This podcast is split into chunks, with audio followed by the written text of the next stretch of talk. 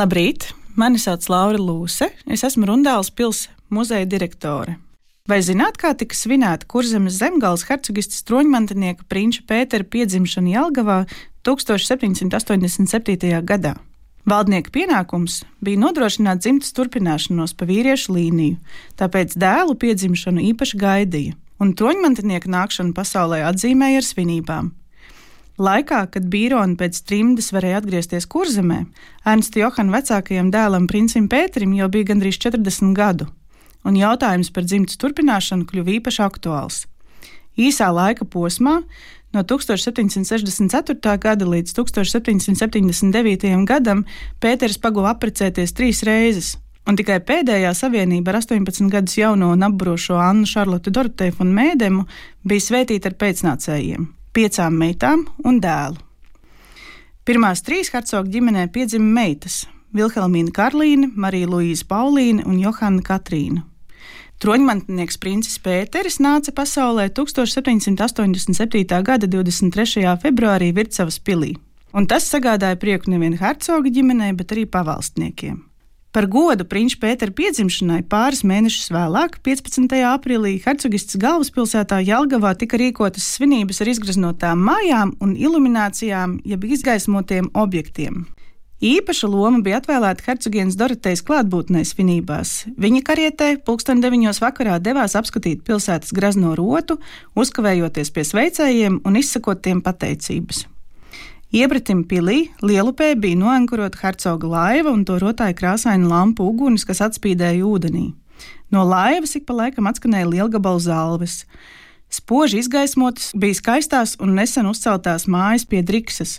Mums jāatcerās, ka 18. gadsimta beigās pilsēta vakara stundās bija diezgan tumša, tāpēc ēku logos izliktās gaismiņas spēja radīt svētku noskaņu. Dažās ēkās, piemēram, akadēmijā un rācinamā, pilnīgi visos logos bija saliktas lampiņas. Starp Driksas piekrastes namiem izcēlās pulkveža leitnanta Līvena atraitnes māja, kuras priekšā bija novietoti trīs simboliski gleznojumi. Centrālajā attēlā bija parādīta zem veca ozola sēdoša kurzemes personifikācija ar kroni galvā, kas simbolizēja sargājošu dievieti. Labajā rokā tā turēja hercogistas ģerboni, bet pie tēla kājām gulēja cerību ankurs. Dieviete cauri tēvzemes ozola mežiem lūkojās uzlicošajā saulē. Šajā gadījumā saule simbolizēja princi un hercogistas turpinājumu, ko paskaidroja lozungs Līdz ar uzlēcošo sauli arī tēvzemē aust jaunas cerības. Divos citos gleznojumos hercogists turpinājumu simboliski izteica lauru koku atveidi. Vienā kociņš bija parādīts mazs, bet otrā jau lielāks un kopā ar kurzemes lauvu un zemgales alni. Netālu no Jālgavas tirgus laukuma, pie zilās gvardas kapteiņa von Tīdena dzīvokļa, bija pulcējušies virsnieki un gvardas locekļi uz kopīgu mīlestību. Hercogienai tuvojoties, viņa nostājās parādas ierindā, lai, zvanot zvaniem, taurēm skanot un lielgabalu zalvēm rībot, varētu izrādīt cieņu un godu kroņprinča mātei. Hercogiena gvardas kapteini paaicināja karietē un izteica personīgu pateicību. Pēc šādas laipnības virsnieku un sardzes locekļu uzskatīja par pienākumu hercogienu tādā pat veidā sagaidīt arī 11. vakarā, kad viņi jau devās atceļā uz pili. Hertela kunga mājas ieeja rotāja izgaismots hercoga kronis, bet zem tā starp lauru un palmu zariem atradās uzraksts Vivat Petrus, jeb lai dzīvo Pēters.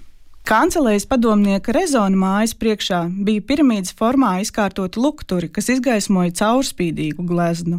Gleznā bija attēlot gudrības dieviete Atēna Pallāda, kas tāpat kā savulaik jauno telemahu, sargāja guļošo pirmdzimto princi, apsedzot to ar savu vairogu. Saskaņā ar mītu, tie, kuri atradās dievietes aizbildnībā, bija pasargāti no visiem netikumiem un tika apdāvināti ar spēku un tikumu vairojošām īpašībām un viscilgnāko likteni. Hercoga Pētera Gvarde pie kapteiņa mājas bija izveidojusi simbolisku altāri, un pie tā sievietes figūru upurēja vīraku. Alegoriskajā skulptūrā bija atveidota kurzemes patrones ar mūra kroni galvā, bet uz pleciem tai bija apmetnis gvardes krāsās, salmu dzeltenā un debesu zilā tonī. Hercoga galma kalpotāja Bērenta mājas priekšā bija izbūvētas lielas sastatnes, ko rotāja zaļa augu vijas.